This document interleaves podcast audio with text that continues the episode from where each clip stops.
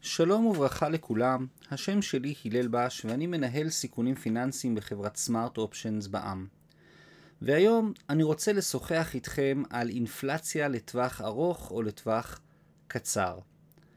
מה הסכנות העיקריות למשקיעים כשהאינפלציה חוזרת? האם האינפלציה היא לטווח קצר או לטווח ארוך?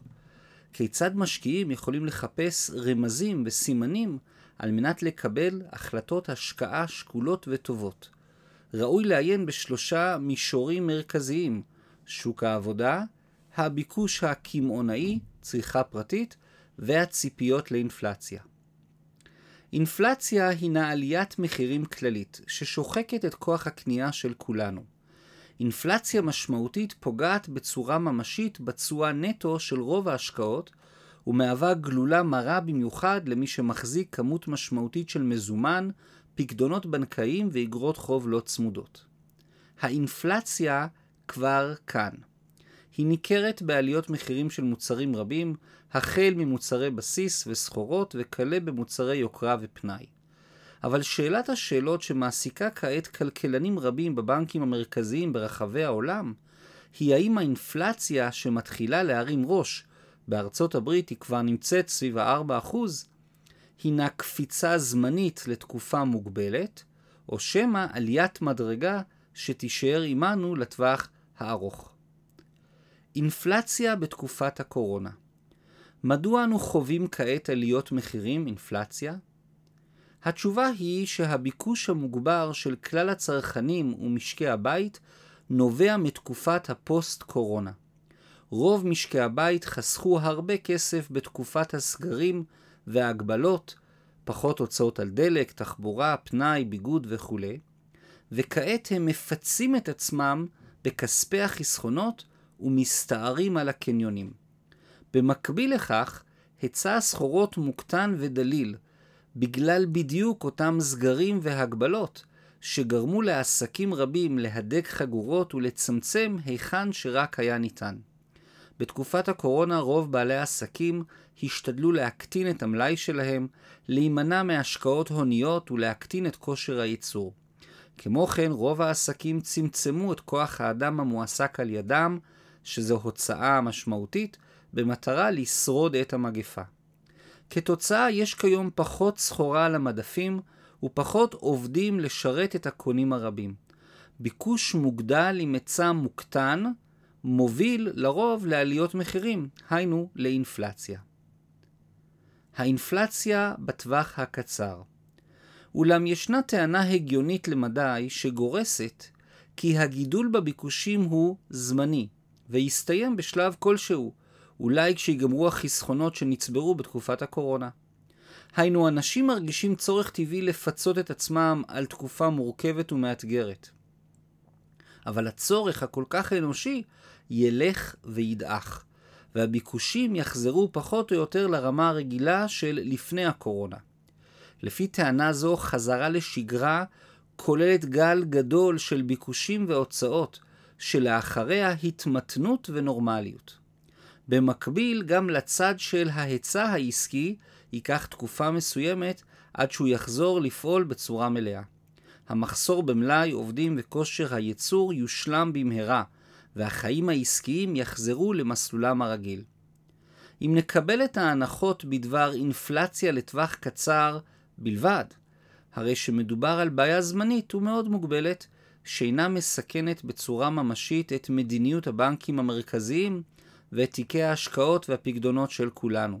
הבנק המרכזי האמריקאי, הפד, יכול להמשיך ולהדפיס כסף עד בלי די, ולתמוך באופן מלאכותי בריבית אפסית ללא סיכון ממשי של אינפלציה לטווח האסטרטגי.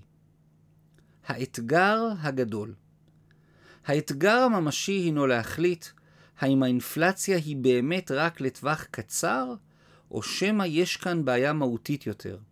האם האינפלציה תימשך בטווח של מספר שנים מרובות, הרי שהיא תמשיך ותשחוק את תיקי ההשקעות והפקדונות, ותייצר לחץ ממשי על הבנקים המרכזיים לבצע העלאת ריבית.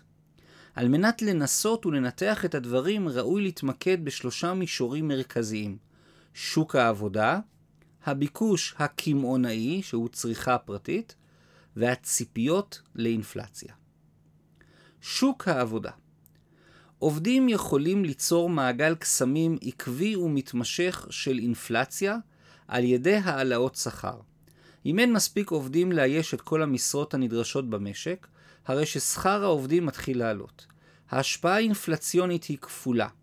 לעובדים יש יותר כסף לבזבז על מוצרים חדשים, שבעבר הם לא ממש יכלו להרשות לעצמם, והם, מתמק... והם מתמקחים הרבה פחות.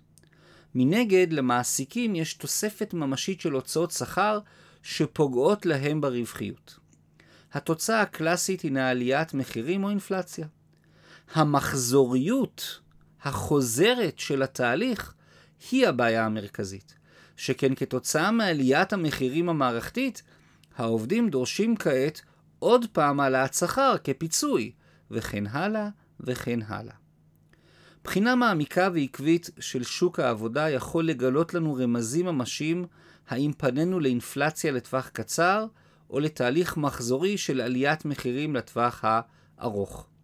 נכון להיום אין עדיין נתונים חדים המעידים על שינוי מערכתי וכולל בשוק העבודה, וכרגע אין העלאות שכר ממשיות. הביקוש הקמעונאי משקי הבית בעולם יצאו ממשבר הקורונה עם הרבה כסף, וכאמור הם כרגע בתחילת מסע קניות ענק, הכולל הוצאות ממשיות על מוצרים, מסעדות ומוצרי פנאי אחרים.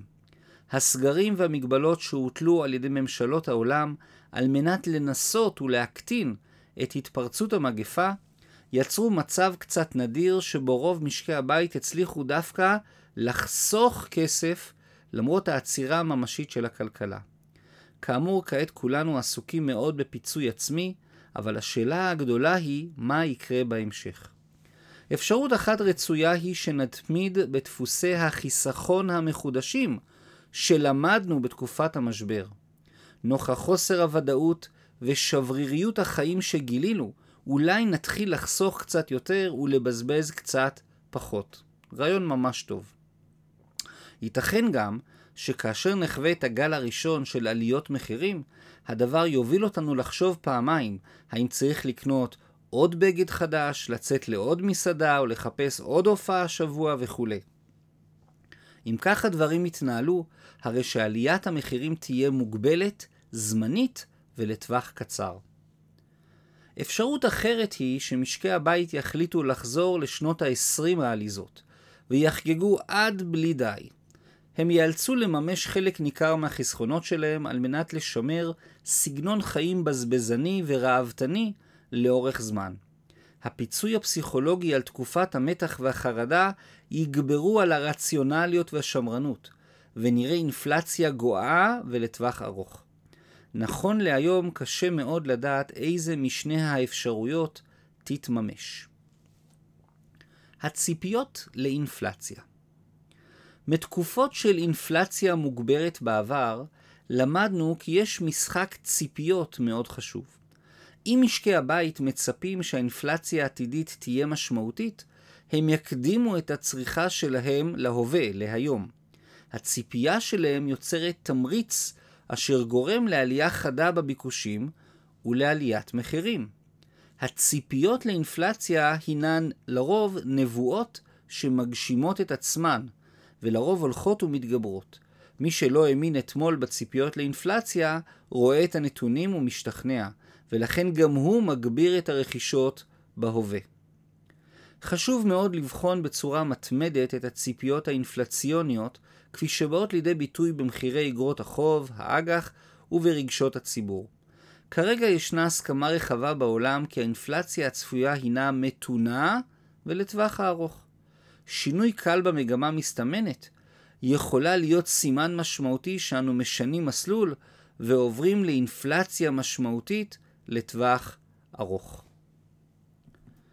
אינפלציה מהווה גורם מורכב ובעייתי לכל משקיע קטן כגדול. האינפלציה עצמה שוחקת את כוח הקנייה של המטבע ויוצרת מהן תשלום מס על מזומנים ופקדונות.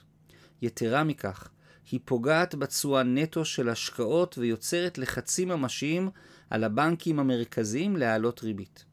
השאלה הגדולה היא, האם גל האינפלציה שאנו חווים כעת הינו לטווח קצר, היינו גל חד פעמי, או שמא הוא לטווח ארוך, מין הוריקן מתמשך כזה?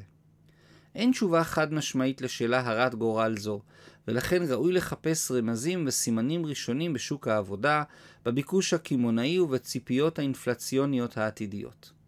בחינה מתמדת של מדדים אלה עשוי לתת לנו הבנה טובה של המגמה העתידית ולאפשר לנו לקבל החלטות טובות בזמן אמת. השם שלי הלל, אני מאוד מודה לכם על ההקשבה ומקווה לראותכם בפרק הבא. תודה רבה רבה ולהתראות.